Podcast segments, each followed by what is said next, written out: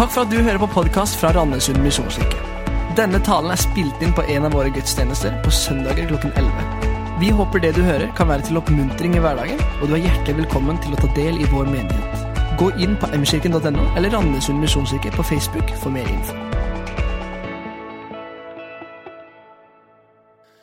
Velkommen til andre del i serien Røtter, og vi er i et dypdykk i Kolosserbrevet. Forrige uke så var det hovedpastor Jarle Rommedal som talte. Og når vi satt og fordelte disse tekstene, så var det litt sånn ja, Jeg tar litt av alt, sier han. Og så får liksom den store greia Ja, hva skal vi da når du har tatt Ja, du kan få disse tre, Royelling. Bjørn Øyvind, du får disse, og Ingrid, du får de. Lykke til. Grav dypere røtter med Herren. Og så, og så blir det sånn. Det er veldig vanlig. Det er derfor det står i Bibelen 'Be for deres ledere'. Det trenger veldig mye. Men eh, dagens tema, da, det er ord som forandrer alt. Ord som forandrer alt. Vi kommer tilbake til det.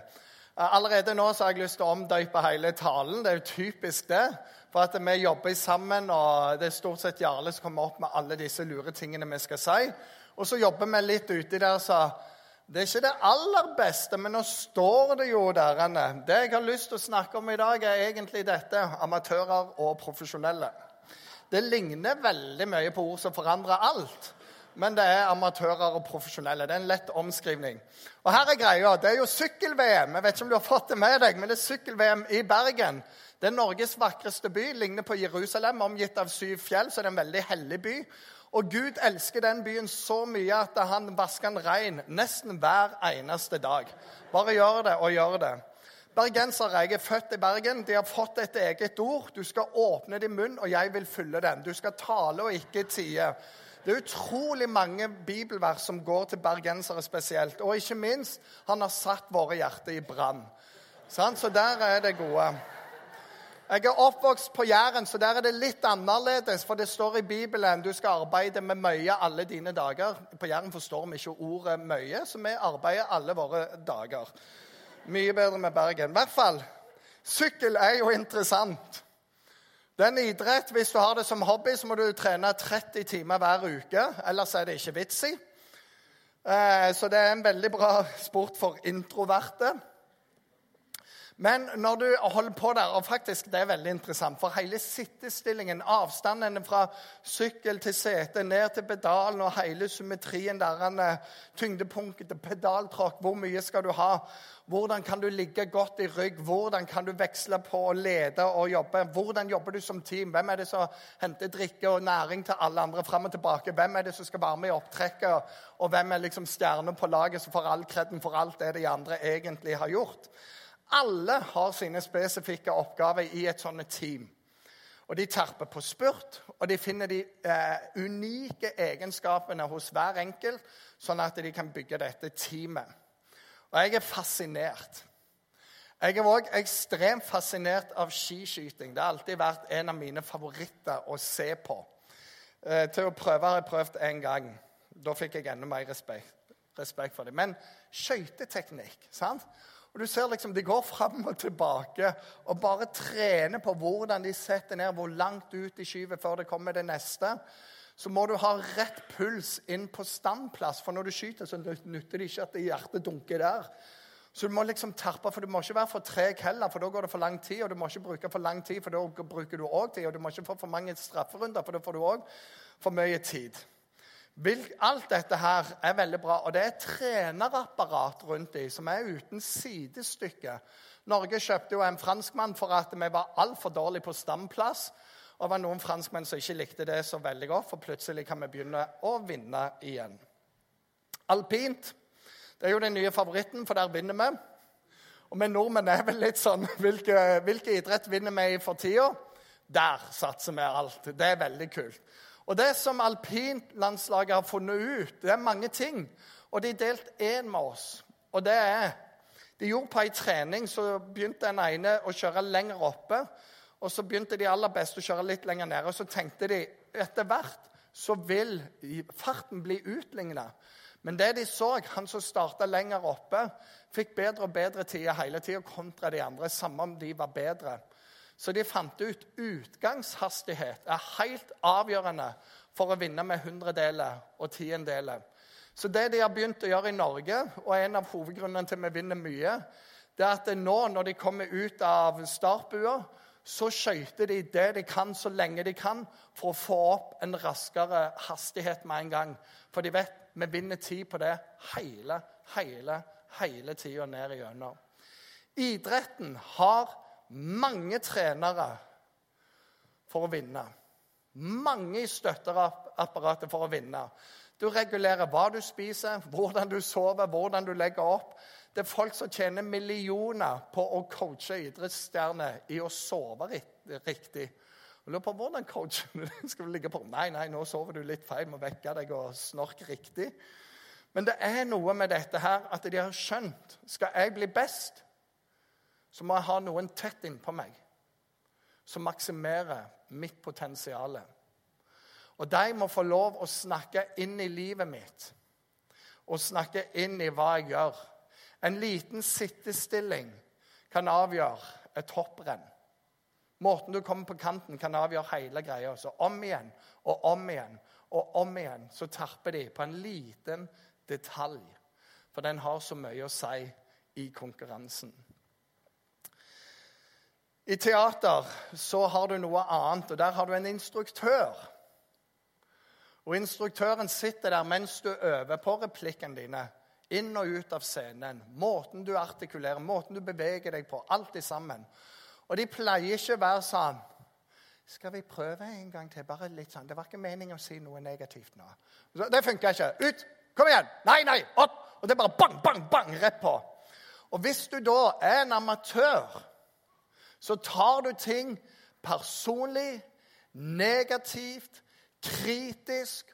Og hvem er du som kommer her og kommer her? Og bare vent, så skal jeg nok ta igjen. Og det er en amatørs holdning.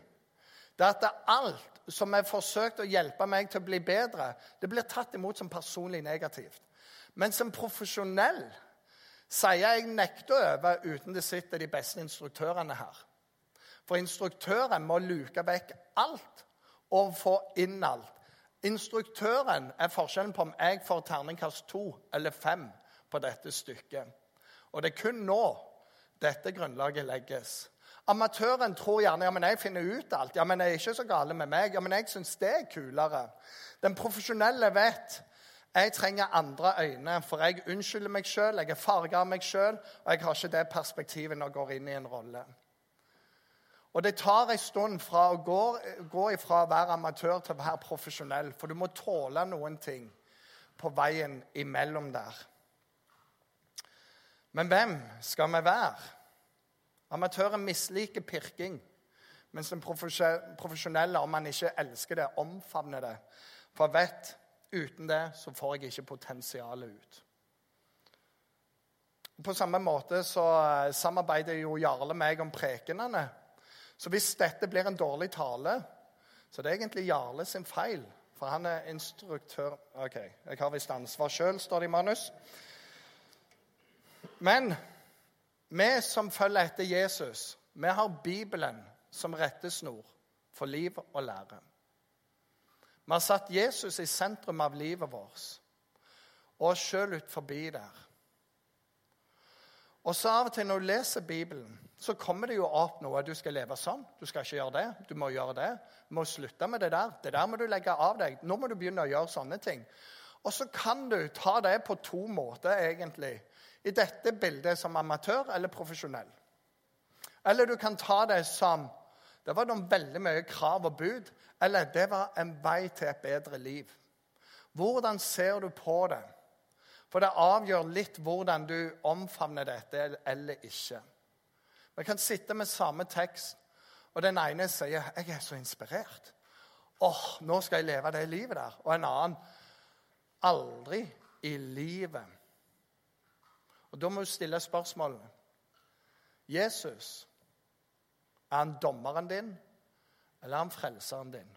Kommer han for å gjøre livet kjipt, eller kommer han for å gi deg det beste livet du kunne leve? Og Dagens tekst den går sånn. Gud ville kunngjøre for dem hvilken rikdom av herlighet denne hemmelighet betyr for folkeslagene. Kristus blant dere, og det kan òg like godt stå Kristus i dere. Og begge deler er fantastisk. Håpet om herlighet. Ham er det vi forkynner, og vi rettleder og underviser alle mennesker i den fulle visdom for å føre hvert menneske fram til modenhet i Kristus. For å nå dette målet arbeider og kjemper jeg i Hans kraft, den som virker i meg med styrke. Og Her står det bl.a. rettleder. Og spørsmålet er hvordan skal jeg se på det med rettledning? Amatør eller profesjonell? Eller dommer eller frelser? En som vil hakke på meg, eller en som vil få fram det beste i meg? Hvordan skal det være? Og Hvis vi egentlig vil ha dette ja, men Jeg tror jo det er bra så starter ofte det med en bønn som vi hadde i en taleserie her. Herre, ransak meg. Vis meg hva du trenger å få lov å ta ut. Vis meg de sår jeg trenger å bringe til deg. Vis meg hva jeg holder for meg sjøl, som du trenger å få. Herre, vis meg hva jeg skal slutte med, og vis meg hva jeg skal begynne med. Herre, ransak hele livet mitt. Her er det. det er David han ber en annen bønn. Han sier, 'Skap i meg en stødig ånd, Gud' stødig ånd. Skap i meg et rent hjerte. Og du står mellom valget. Skal jeg tilpasse Bibelen til livet mitt, eller skal jeg tilpasse livet mitt til Bibelen? Hvilken skal det være? En av de som eh, var veldig mye i mitt liv på Bryne tidlig, som var en av lederne mine, han er hobbygartner. Og når vi var hjemme hos han, så var det planter overalt. Og en av de tingene han lærte seg, det var at skulle mange av disse plantene bære frukt, så måtte han beskjære dem. Villskudd er ting som ser gjerne bra ut, det vokser veldig fort og det blir veldig imponerende. Men det suger næringen ut av resten av planten. Og det blir ikke sånn som det var designa for. Og For ham var det en hel andakt. Så han sa jeg husker tale ennå, jeg var kanskje 13-14 år Så jeg har bedt Gud, bruk kniven! Bruk kniven i livet mitt! Beskjær meg, Herre. Ta vekk det som ser kult ut, men som egentlig bare suger kraften ut ifra det han skal være til. Hjelp meg, Herre, sånn at du får lov å ta vekk det som ikke skaper dypere røtter hos deg. Og sånn at livet mitt kan begynne å produsere den frukten som du har sagt. For åndens frukt er noen ting. Og da var denne bønnen Bruk kniven, Herre. Og det har vært en bønn i mitt liv siden. En annen episode jeg husker jeg var i Stavanger, var ungdomspastor. Vi hadde besøk av en som eh, har en profetisk gave. Helt fantastisk. Og så sitter vi der, og så hadde vi en delerunde, noen av oss. Og så spurte jeg hvordan går det med deg. da? Så syns jeg livet var litt kjipt. Det var liksom bare på et platå hele tida skjedde ikke noe nytt. Det kristne livet var ikke spennende. Vandringen med Jesus det var liksom bare mm, jevnt. Og dere som kjenner meg, det er, det er, stort sett to hastigheter. Det er full fart, og så er det mer enn det. Så det platået der er kjedelig. Ingenting nytt, ingenting spennende. Jeg opplever ikke at det, det, er noe. Så jeg sa det. Opplever jeg, jeg er på et platå, sa jeg. Og forventa litt sånn pastoral medynk. Men det han bare sa meg, ja, men det er jo fordi du har ting i livet ditt som Gud ikke kan akseptere hvis han skal ta deg på et annet nivå. Ja, takk for den. det er herlig å være blant profeter av og til. Og for min del så talte det rett inn i livet. Og jeg valgte den der skal jeg ta. For jeg kunne jo blitt provosert. Jeg kunne bortforklart hele tingen. Men det ble en bønn i meg. Herre, vis meg hva er det som er i livet mitt som du trenger å få lov å ta bort? Vis meg hva de tingene er som ikke kan være her lenger. Og vis meg hva jeg trenger å begynne å gjøre, sånn at du kan få lov å løfte meg. For det er du som er tålmodig. Det er ikke du som er treg. Vis meg, Herre. Og det ble en bønn for min del. For for min del òg så jeg har bestemt meg at det skal være sentrum. Kristus er sentrum. Og da tror jeg at når vi tilpasser livet til Bibelen, så skjer dette. Jeg har òg en kompis i Stavanger. eller isen på Stavangerkanten. Og Jeg har vært coach for han i mange år. Og Jeg fatter ikke hvorfor han bruker meg, for jeg er beintøff med han alltid. Og så sier han ofte 'Å, dette er tøft', men jeg vil vokse. Og jeg tar utfordringen. Og så er det tøft. For jeg har vært veldig inn på mange forskjellige ting som sier hvis du vil videre, så må du ta oppgjør med det. Du er nødt til å jobbe med de områdene. Og så hver gang har han tatt utfordringen. Og han er en sånn som fort folk har avskrevet. Fordi det virker ikke så mye med han. Men gjennom hele livet så har han tatt utfordring etter utfordring etter utfordring. Og nå er han en av de beste lederne jeg vet om. Folk følger han. Folk møter Jesus gjennom hans tjeneste. Fordi han sier 'Å, det er tøft', men jeg tar utfordringen. Og dette er det når vi rettleder og underviser folk i den fulle visdom, som er Kristus, som er det kristne liv. Gud designer deg. Står du er skarp på skremmende underfullt vis. Så når Gud designer deg, så vet kanskje han best hvordan du får maks ut av livet ditt. Hvis Gud designer deg, så vet han kanskje best hvordan du maksimerer potensialet ditt. Og hvis Gud designer deg, så kan det jo være at han har den beste planen for livet ditt òg. For akkurat sånn som trenere jobber individuelt med spillere eller lagkompiser for å finne den optimaliserte funksjonen, så vet Gud det med deg. Og Da er det noe med å våge å slippe seg sjøl i hans hender. Si 'Herre, for meg'. Og så ta noen steg på den veien der. Det står noe fantastisk i denne teksten her om at vi skal få lov å føre hvert menneske fram til modenhet i Kristus. Og Det er bare sånn Wow, det er målet. Modenhet i Kristus. Jeg har ei, ei som jeg kaller mor i USA. Hun er rundt 70, og hun sier det. Av modenhet Jeg tviler på mer og mer, altså. Jeg tror ikke på det der. Jeg ser meg sjøl og ser de rundt meg. Ikke mye modent. Så jeg liker heller, sier hun, å snakke om å vandre med Jesus i sentrum eller ikke. Så der definerte hun. Jeg hørte på Asbjørn Kvalheim, og han sa sånn modenhet. Det er når vi sier til barnet 'moden for alderen'. De har kommet lenger enn sine jevnaldrende. De som er på samme nivå, visende modenhet. Modenhet til Kristus handler noe om det samme. Du viser en voksenhet. Du har kommet et stykke. Og det er målet.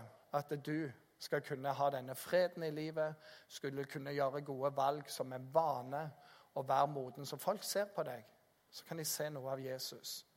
Og Så tar jeg litt med fra Asbjørn Kvalheim. Eh, måtte eh, gjøre det litt kort, for han hadde så veldig mange. Men han rett og slett tar for seg Filipperne 4, fra kapittel, eh, kapittel 4, fra vers 10 til 20. Sett på Paulus og hva er moden kristne? Og Her kommer noen av dem. En moden kristen kan bekrefte andre. Det har vært en stor glede for meg i Herren at dere end, eh, at endelig er kommet slik, til slik velstand igjen at dere kan tenke på det jeg trenger. Dere har nok tenkt på det før, men dere hadde ikke mulighet til å gjøre det. Fire ganger bruker Paulus her 'dere', to ganger 'jeg'. Og Dette handler noe om å framsnakke andre tale vel om andre, uten at du blir mindre av den grunn. Det er modent. Du blir ikke mindre av å løfte fram andre. Og det er en ting å snakke vel om andre, og òg når folk samles, si gode ting, så du snakker de opp, og du snakker de fram. Og lete etter det. Alle klarer å finne noe dårlig hvis de vil. Det er naturlig. Men å lære seg å finne det gode, det er noe annet. Og det er moten å gjøre det. Og etter hvert så kan det være lettere enn det motsatte. Så her er en øvelse. Hvis du har for vane å bare plumpe ut med noe, så lær å bare holde munn og si hva som er positivt om dem. Ikke hold fast på alle de. Jeg husker den gangen. Da sa jo den der, da gjorde de det. var jo litt dumt. Få de vekk. Og så kan du si det jeg liker med den personen. Jeg husker en gang. Og så husker du de gode historiene fra dem. For når du løfter opp andre, så er det helt utrolig hvordan de òg begynner å prestere der. Når du rakker ned, så er det helt utrolig hvordan folk klarer å komme ned. En moden kristen kan bekrefte andre. En moden kristen er fornøyd uansett. Jeg sier dette fordi, ikke fordi jeg har mangla noe, for jeg har lært meg å være fornøyd med det jeg har. Han sitter i fengsel når han skriver dette. Han blir behandla som en kriminell. Og han, eh, han har det tøft, men likevel så finner han noe å glede seg over. Og legg merke til disse ordene 'jeg har lært'. Du lærer ikke dette når livet går på skinner. Du lærer dette når toget kjører over deg. Du kan ikke lære å være tilfreds når du bare har det bra. Men du lærer det gjennom motgangen. Og det er da du graver dypere røtter. Og du kan si 'Jeg har lært meg å være tilfreds uansett'. Neste. En moden kristen er fleksibel. Jeg vet ikke hvordan det er med deg, men eh, det er utrolig hang til å ha kontroll hos veldig, veldig mange. Jeg, jeg, vet hva det vil si å leve i trange kår, og vet hva det vil si å ha overflod. I alt og i alle ting er jeg innviet, både å være mett og sulte, å ha overflod og lite nød. En moden person har en evne til å tilpasse seg forholdene sånn som de er. Dette er en av grunnene til at eh, Salem eh, i byen de reiste med konfirmanter til London når de bodde på hotell. Og de klagde alltid over standarden på hotellet. De ville jo bo på Hilton hele gjengen. Til slutt så sa konfirmantlederen dette gidder jeg ikke mer. Så neste år skulle reise til Romania med dem. Og så sier jeg lær hvor godt du har det. Slutt å klage. Lær å være fornøyd uansett, og lær å være fleksibel. Også en, en, øvelse for dette med å være fleksibel. Tenk som en boligmegler. De er de mest fleksible i hele verden. Det fins ikke små, og trange hus. Det fins bare intime, og romantiske hus. Det fins ikke falleferdige rønner. Det fins bare uendelig potensial. Det er bare helt fantastisk. Det, det fins ikke rare løsninger, bare spennende løsninger. Alt er bare liksom uh, Og så blir det sånn. Hvordan ser du på det? Vær fleksibel. Se mulighetene istedenfor det, det andre. Vi lider fort av tofotsyken. Misunnelig på naboens hus og bil.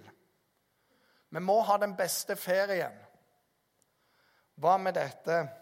Vær litt fleksibel. Hva med å lære noen andre ting? En moden kristen er tillitsfull i Kristus. Han skriver alt makter jeg i Han som gjør meg sterk. Av og til kan jeg lure på om det er skrevet like mye som 'Kom igjen'. For han sitter i fengsel. Han har utrolig lite frihet. Alt makter jeg i Han som gjør meg sterk. Det er når helsa ikke er der som han skal være. Alt makter jeg i Han som gjør meg sterk. Det er når du opplever disse tingene i livet som går deg imot. Alt makter jeg i Han som gjør meg sterk. Men da må jeg la Han gjøre meg sterk. Da må jeg søke inn til Han. Det da må jeg la mine kilder være der, og røttene være der. Kraften trer fram i svakhet. Så det er en nøkkel å komme til Jesus. Det neste han skriver om, det er modne kristne er rause til å gi. Allerede da jeg var i Tessalonika, sendte dere meg både én og to ganger det jeg trengte. Og sånn som han sa, Det var ikke noe knutsel. Det var bare å sende det av gårde flere ganger med glede. Jesus han sier jo dette. Det er større glede å gi enn å få. Skal du være en amatør eller profesjonell i det? Vet du bedre enn Jesus i dette? For det var modenhet vi ville ha, sant? Og det er ingenting som er så hardt som å gi fra seg pengene. For de har jeg jo tjent. Og jeg har fortjent dem. Og igjen Skulle gjerne tatt deg med på en tur i misjonsland. Modne kristne er rause til å gi. Og Da snakker vi ikke bare om å gi tiden din i menigheten, men det, det er en måte å leve på. Finne muligheter til å velsigne andre. Materielt, økonomisk, med ord, med smil, på alle måter. Og Det er det beste livet som fins. Det å være den som velsigner andre. For den trives godt. Det står òg i Bibelen. Modne kristne er opptatt av frukten av gaver og arbeid. Ikke så at jeg trakter etter gaven, men det jeg trakter etter, er frukten av den, som så rikelig skal komme dere til gode. Her er det rare med Gud. Eh, amerikanere og engelskmenn de sier 'you can't outgive God'. Du kan liksom ikke bare gi, så, så er det for lite. For det står han en giver. Og han gir mer enn oss. Han som ga sin egen sønn, kan ha noe annet enn å gi alt sammen med han. En svenske sa det sånn. Jeg bruker skyffel, så jeg skyfler ut, og han skyfler inn, og jeg skyfler ut, og han skyfler inn, og jeg skyfler ut, og han skyfler inn, jeg skyfler ut. Han bruker større skyffel enn meg, hva? Det var en gutt som kom til Jesus. Han hadde bare lite nistepakke. Når han kom hjem til mor si, så hadde han et forklaringsproblem. 'Fikk du spist maten din?' Eh, 'Ja og nei. Jeg har tolv korger med mat igjen her.' 'Går det bra, eller?' Sånn jeg, jeg, lover deg, mamma, jeg spiste det opp. Du blir ikke fattig av å gi. Og det er en frykt av dette her. Og, de, og den frykten er mangefoldig. Jeg skal ikke inn på den her. Men det er noe mer enn bare å gi og den gode følelsen. Og Den siste som jeg skal ta med fra han, det er modne kristne gir ære til Gud. Vår Gud og Far være ære i all evighet.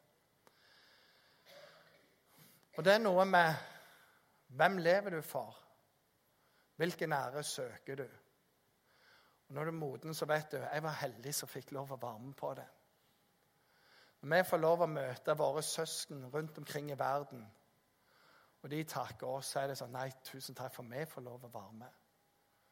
For det beriker livet. Og vi er en søskenflokk. Vi har én far i himmelen. Og på hver vår måte får vi lov å være med og velsigne. Og jeg står igjen etter å ha, ha gjort det jeg kan, som takknemlig for at jeg fikk lov å være med. Tenk at Gud fant meg verdig til å gjøre noe for han. Tenk at Gud vil bruke deg med all din bagasje, med alt det du mangler, så sier han likevel 'Jeg velger deg'. Og så får han lov å bruke oss. Mange ganger når vi ikke vet det. Mange ganger når vi tenker ofte der gikk ikke så veldig bra. Så bruker han oss likevel. Modne kristne gir Gud æren.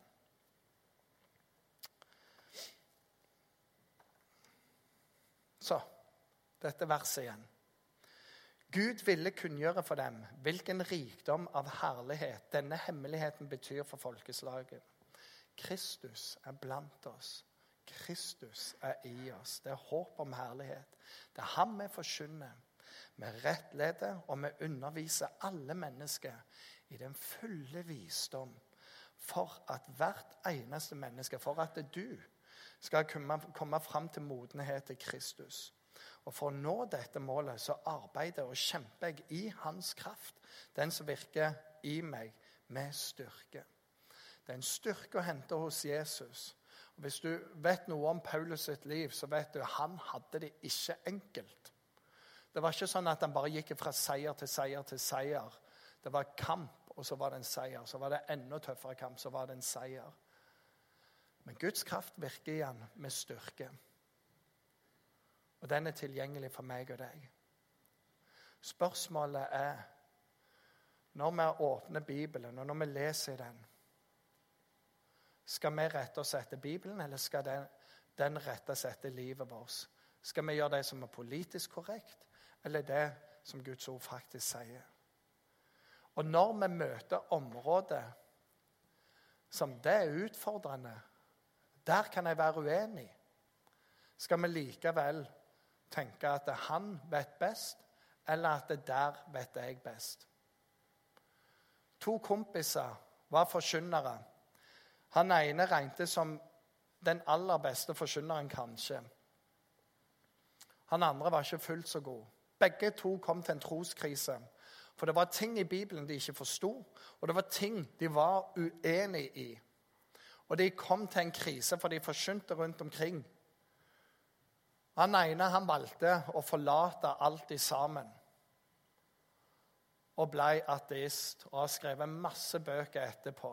Det var det mest talentfulle av de to. Han andre han valgte å bøye seg og si det er ikke alt jeg forstår. Det er ikke alt jeg er enig i. Men jeg velger å bare stole på at Jesus vet bedre enn meg. Han heter Billy Graham. Han gjorde det OK etterpå. Det er noe når vi legger vårt ned for Jesus, så velsigner han noe tilbake igjen.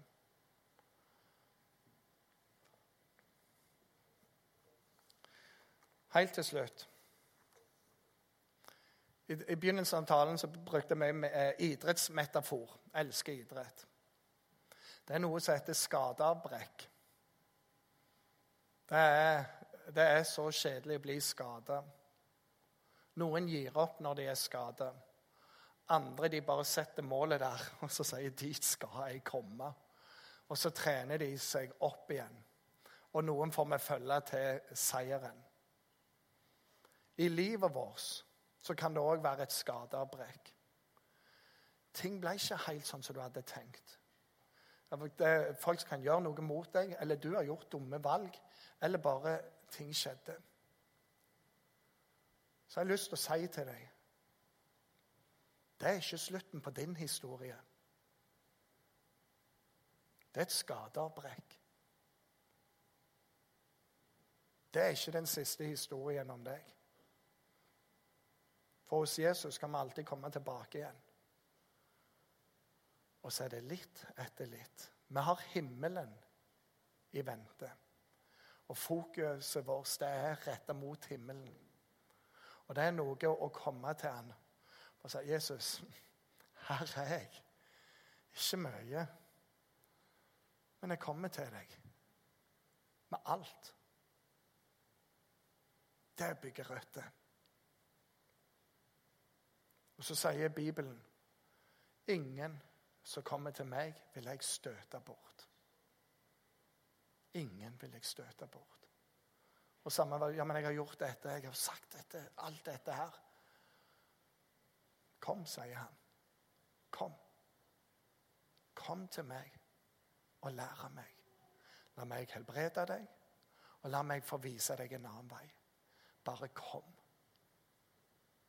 For det er ferdig, men du trenger å komme. Så det er ikke slutten på karrieren din.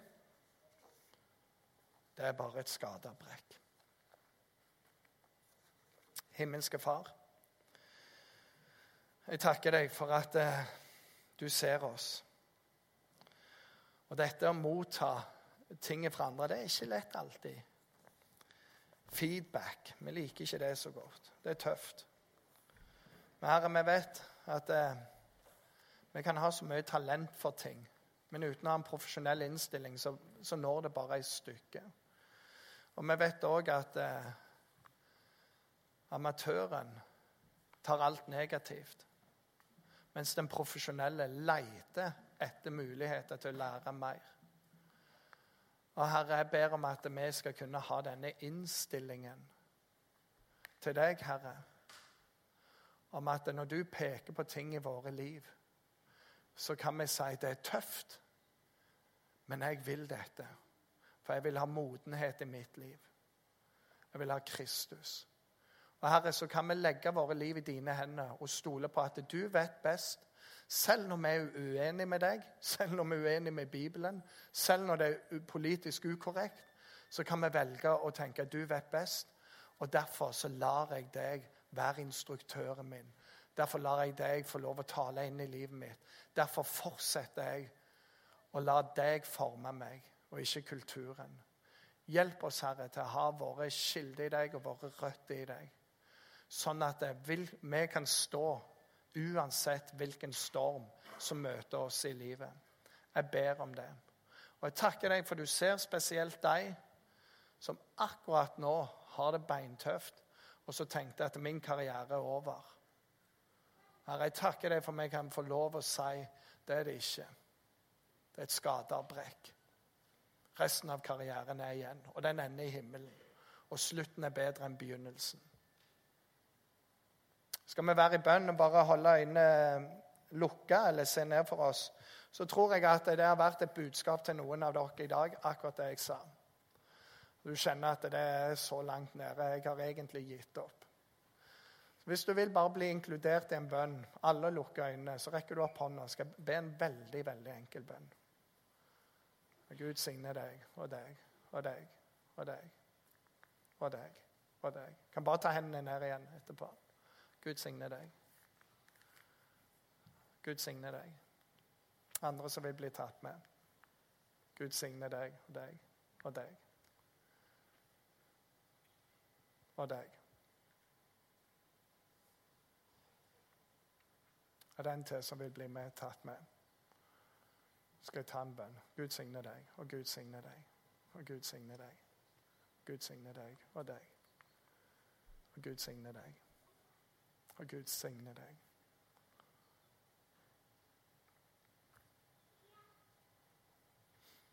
Og Gud signe deg.